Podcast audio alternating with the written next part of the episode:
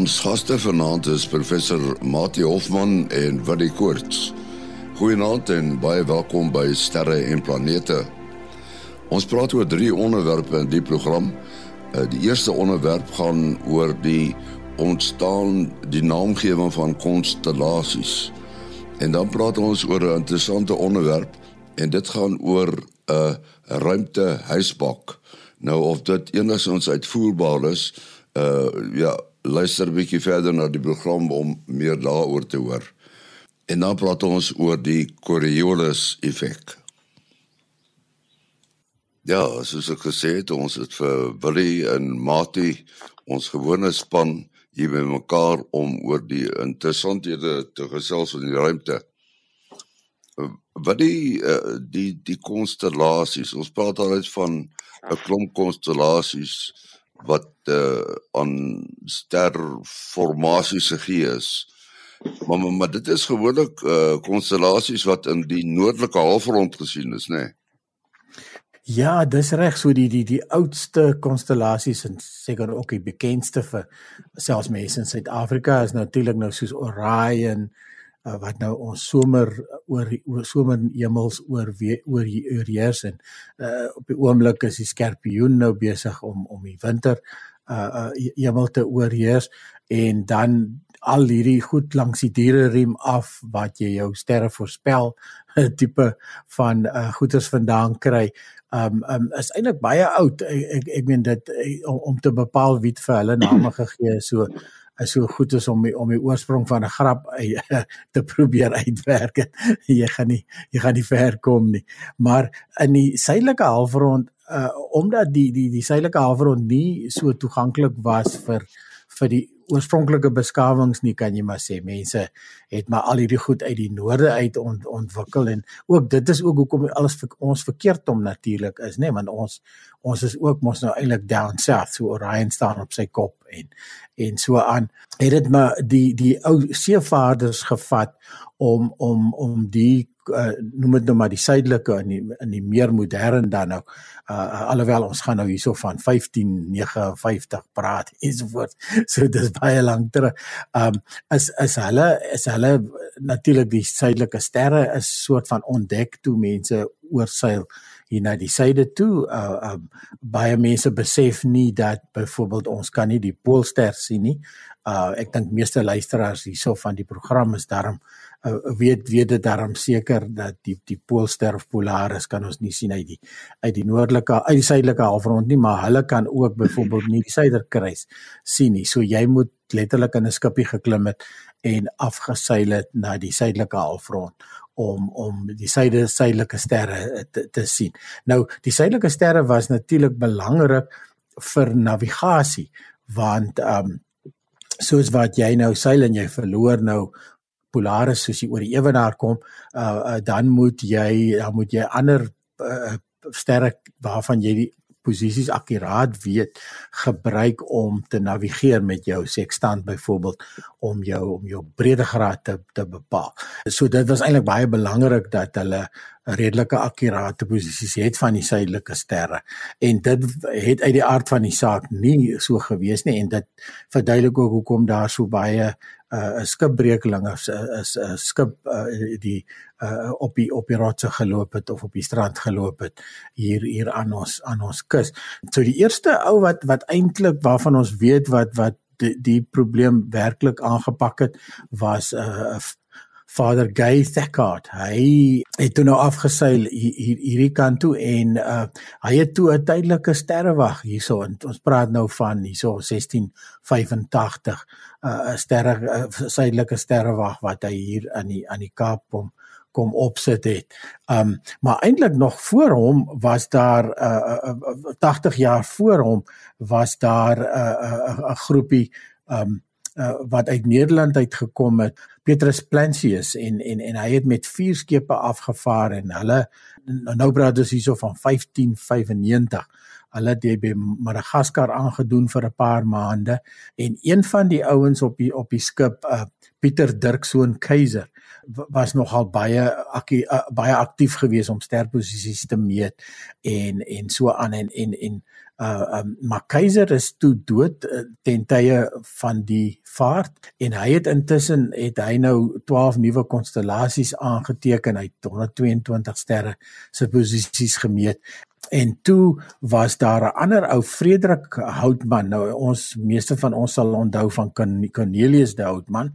Nou Frederik de Houtman was was die broer uh van Cornelius en hy was op een van die ander skepe en hy het ook sy eie waarnemings gedoen van van Keiser se skip af en en toe Keiser nou oorlede is het hy, het hy nou toegang gekry tot tot tot tot keiser se observasies en hy het toe al hierdie goeters bymekaar gesit en en hy het altesaam 304 sterre waargeneem 111 van hulle in in 12 nuwe suidelike konstellasies en en uh so uh, uh omtrent so 80 jaar later 1677 78 het uh, Edmund Halley 'n uh, 'n uh, 'n tydjie op Sint Helena gewees en en hy het toe nou keiser se sterre en sy waarnemings of keiser Houtman nou eintlik sy waarnemings bevestig en en dan toe hy nou 'n een een nuwe konstellasie bygesit.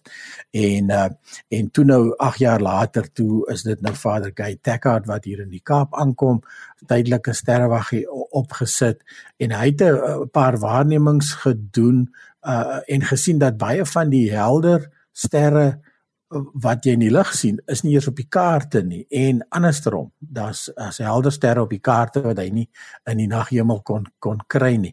Hy het byvoorbeeld gevind dat die die die um, kuslyn van Kaapstad is 300 km verder wes as wat die kaarte aangedui het. So mense kan nou jo, verstaan dat daar dat daar so baie so baie skip skipbrekelinge gewees het.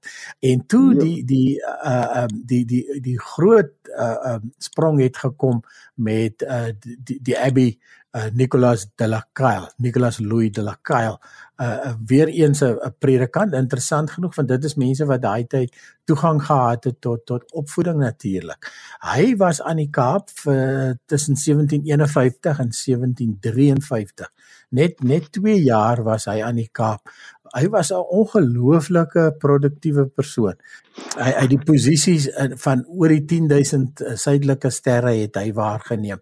'n Opmeting gedoen hier van die Kaap tot tot tot by Kasteelberg wat ons al voorheen oor gepraat het. Hy het die um, uh, breedtegraad van Kaapstad uh, deur die maane van Jupiter te gebruik het hy bepaal. Hy het gemeet hoe hoog is Tafelberg ensovoorts ensovoorts hy het uh, uh, magnetiese en en en gravitasie observasies gedoen en en so aan. So hy uh, het toe uiteindelik 14 nuwe suidelike konstellasies tot by die pool, tot by die suidpool het hy het hy benoem. Nou die die die twee wat ons miskien die die meeste onthou daarvan is die een wat vernoem is na Tafelberg, Mons Mensa wat intussen nou net Mensa geword het. So dit is um dit is die tafel en en uh of die berg van die tafel en en uh um, en dit is dan baie naby aan die aan die Magellaanse wolk en dit is maar baie onbeduidende konstellasietjie uh, maar die enigste konstellasie wat vernoem is na na iets spesifieks op die aarde.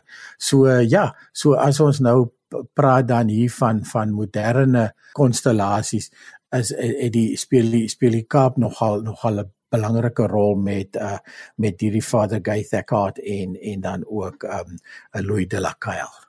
Ja, wil jy nou genoem van die uh posisie of ligging van die Weskus wat hulle 'n paar honderd kilometer uh verkeerd op die kaarte gehad het.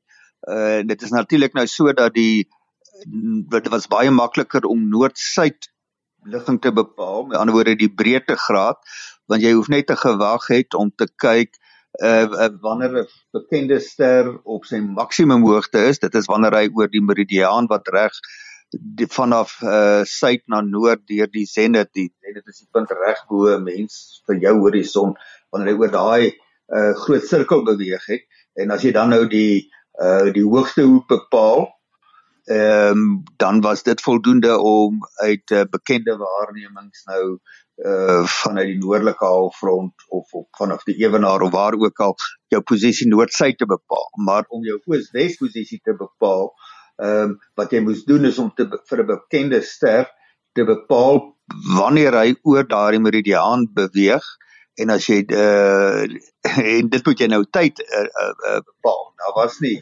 uh akkurate horlosies nie. Ek dink die mense het weke lank of maande lank op die see gereis en ons weet eh, kan ons nou voorstel 'n paar honderd jaar terug was die meganiese horlosies nie so akkuraat nie.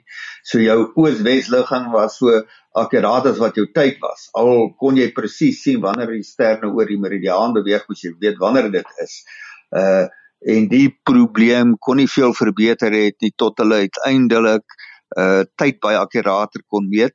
En uh dit is natuurlik nou baie bekend dat baie sterrewagte in daai eras omtrent hul belangrikste rol was om akkuraat tyd aan te dui uh vanaf die sterre. En dan is nou die uh bekende metode wat hulle nou by die uh by die sterrewag bal laat val het. Soos daar by Greenwich het hulle nou nog daai groot op die toring uh in uh ja in die Kaap was dit nou mos weer die die kanon op Tafelberg wat gevuur het en wanneer hulle die rook sien dan het hulle 'n bal by die hawe laat val en dan die ouens op die uh op die skepe hulle horlosies daar volgens opgestel vir 12 uur uh, uh, uh middag en die sein vir die kanon het weer vanaf weer hele mos gekom. Jy het al daaroor uh, uh gesels. So tyd was 'n ja. geweldige 'n uh, groot oorweging vir die bepaling van posisie as jy op die see vaar, maar ek moet sê mense moet daarop geweldige respek hê vir die ondernemingsgees van daai mense eeue terug.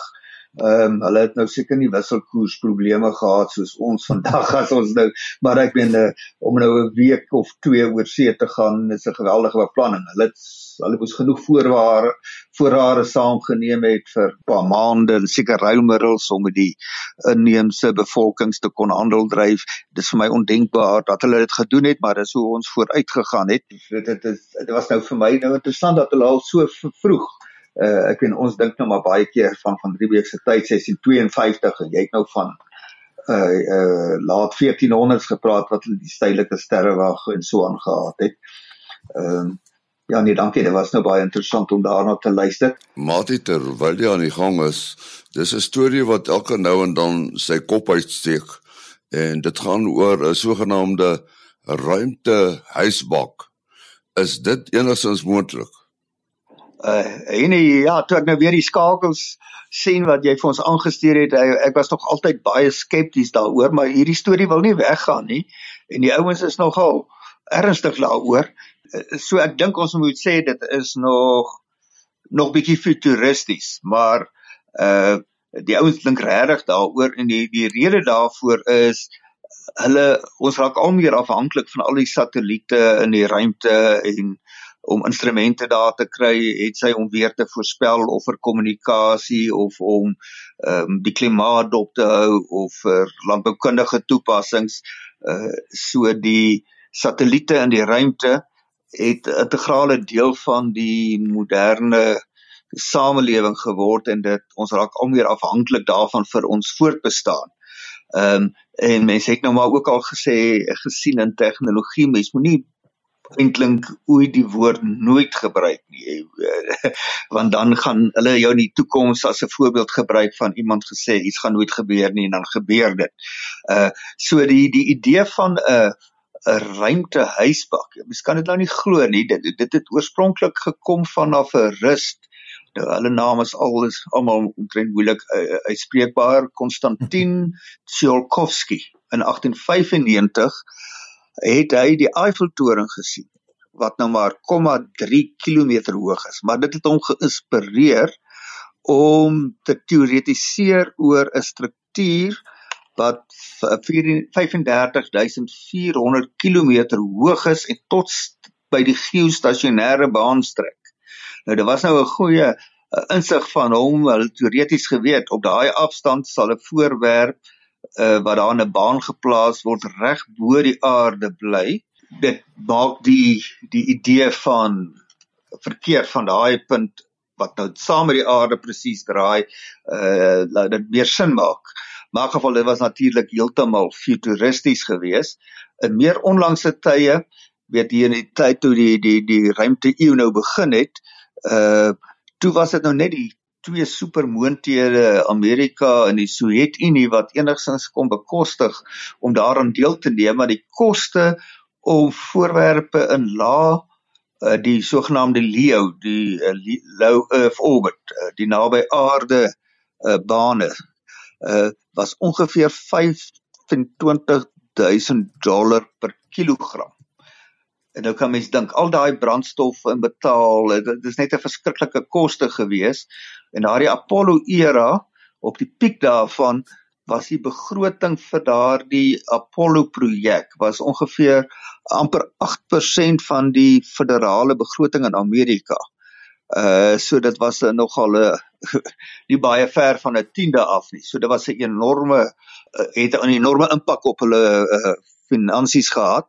Uh nou het die koste nogal baie afgekom veral danksy SpaceX met die herbruikbare vuurpyle. So dit mag wees dat hierdie herbruikbare vuurpyle die die motivering om nou hierdie ongelooflike projek aan te pak van 'n ruimtehuisbak om dit dalk 'n bietjie op die agtergrond te sit, maar die tyd sal leer, maar die idee is basies dit om 'n uh, 'n struktuur te hê, weet dit uh, wat sou mens nou maar 'n soort van 'n kabelstruktuur wat van die aarde strek tot by die geostasionêre baan, so daardie hele kabelstruktuur moet dan presies saam met die aarde roteer en hy moet onder spanning gehou word deur 'n kombinasie van die gravitasie wat die die uh, dit aftrek en dan die sogenaamde ehm um, die effek van die versnelling van daardie voorwerp. Hy wil mos nou wegvlieg van die aarde af en wat dan nou die die sentripetale tipe van effek want hierdie hele struktuur draai nou en dit trek hom dan nou self styf. Soos as wat jy nou 'n voorwerp aan 'n touwtjie vasmaak as jy hom net vinnig genoeg swaai dan bly die touwtjie touwtjie styf.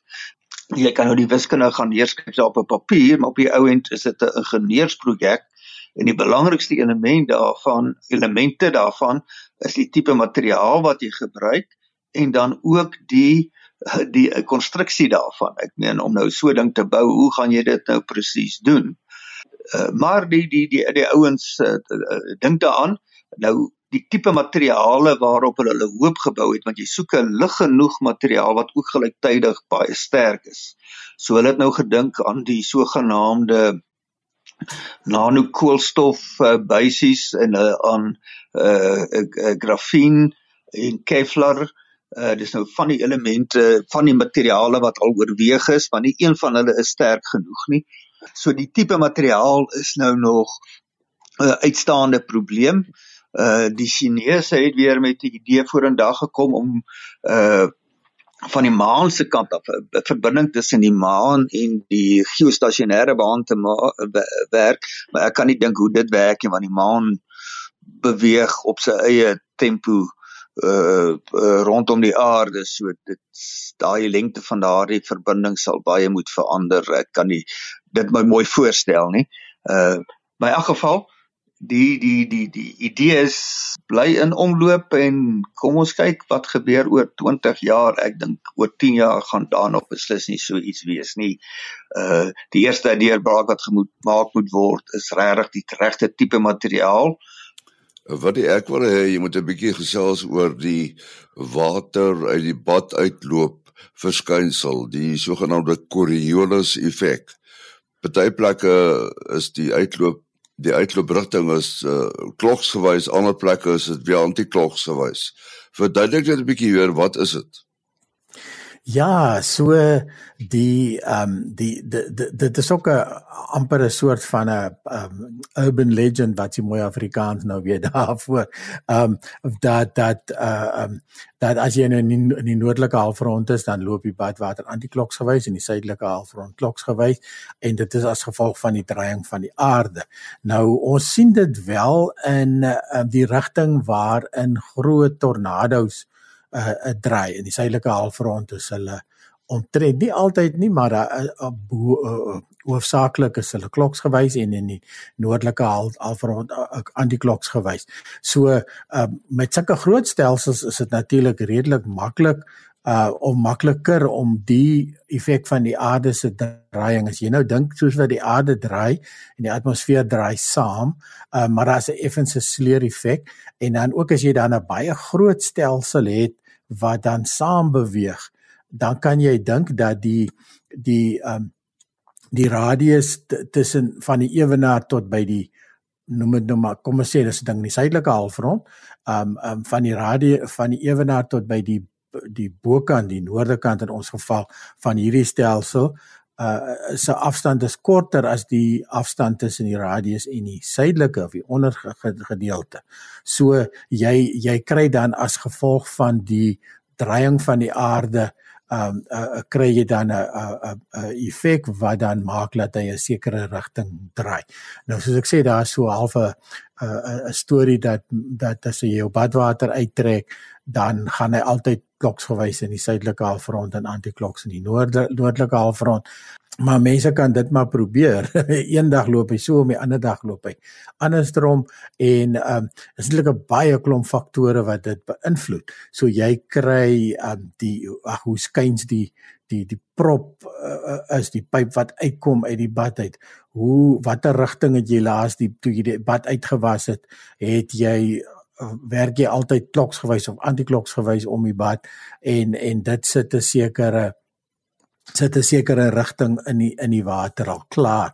Net die manier hoe jy die prop uittrek is is dit is daar 'n verskil of nie. So jy kry hier op die ewenaar is daar 'n paar plekke en jy kry baie YouTube video's daarvan van die ouens wat daar op die ewenaar bly en um en dan het hulle nou 'n uh, uh, uh, die demonstrasie wat hulle doen uit die aard van die saak vra hulle nou baie geld vir die vir die vir die mense wat uh, uh wat, wat die aanbiedingkies bied daar vir die toeriste en en dan het hulle nou uh, uh ek het nou spesifiek een gesien by by Uganda en en dan en dan ook by Ecuador kry jy dan die die die ouens wat hierdie wat hierdie goeder so wys.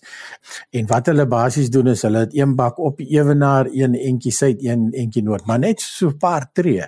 Uh uh um, ek het 'n ander YouTube video gesien van die ou wat dit hy het die demonstrasie gesien en hy het dit self probeer doen en hy kry wisselende uh, resultate. Dan loop die water so om, dan loop die water andersom.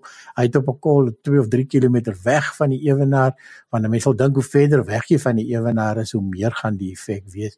En ehm um, en hy het nog steeds sy resultate het ge, gewissel.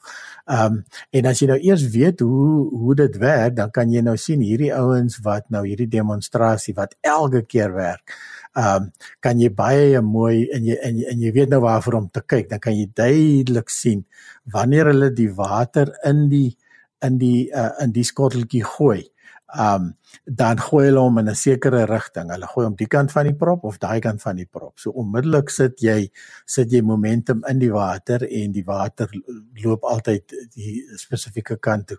Van hierdie ouens se rigtings is self verkeerd. So as hulle nou noordelike halfrond toe gaan, dan dan sê hulle hy moet kloks gewys wees, maar dit is eintlik die regte Coriolis eh, is is anti-kloks gewys. So so selfs al het hulle teen die die wette van die natuur voorspel wat ek aan toe die water gaan wees of verkeerd om voorspel, ehm um, kry hulle elke keer dieselfde resultaat. En dan is daar een, jy kan sien die eerste een, hulle begin weer altyd op die ewenaar, want op die ewenaar het dan nou geen effek nie, dan loop die water mooi reguit uit. Ehm um, hierdie ouens moet die bak aan van hulle sitkastig so 'n uh, 'n uh, 'n stukkie hout in om nou die water te keer dat hy nou dat hy nou nie meer in die rond te loop nie. Maar as jy ook mooi kyk, hulle sit hom soos in 3 sekondes in. Hulle hulle gooi hom skeef in, sê net maar vir die noordelike halfrond. Ehm um, hou omtrent 3 sekondes en dan sit hulle 'n blommetjie daar wat vir jou wys daar loop die water uh, in hulle geval kloks gewys wat eintlik met antikloks gewys wees maar hoe dit ook al sê en en as hulle hom op die ewenaar ingooi die een lot begin altyd sommer op die ewenaar so die water het lank kans gekry om stil te gaan staan en en as hulle dan die prop uittrek loop hy net reguit uit en die die ander ouens um gooi hom baie versigtig hou dan hierdie plankie vir omtrent 15 sekondes in en jy kan sien hoe versigtig haal hulle hom uit om om seker te maak dat die water nou nie nou nie meer in die ronde dry nie.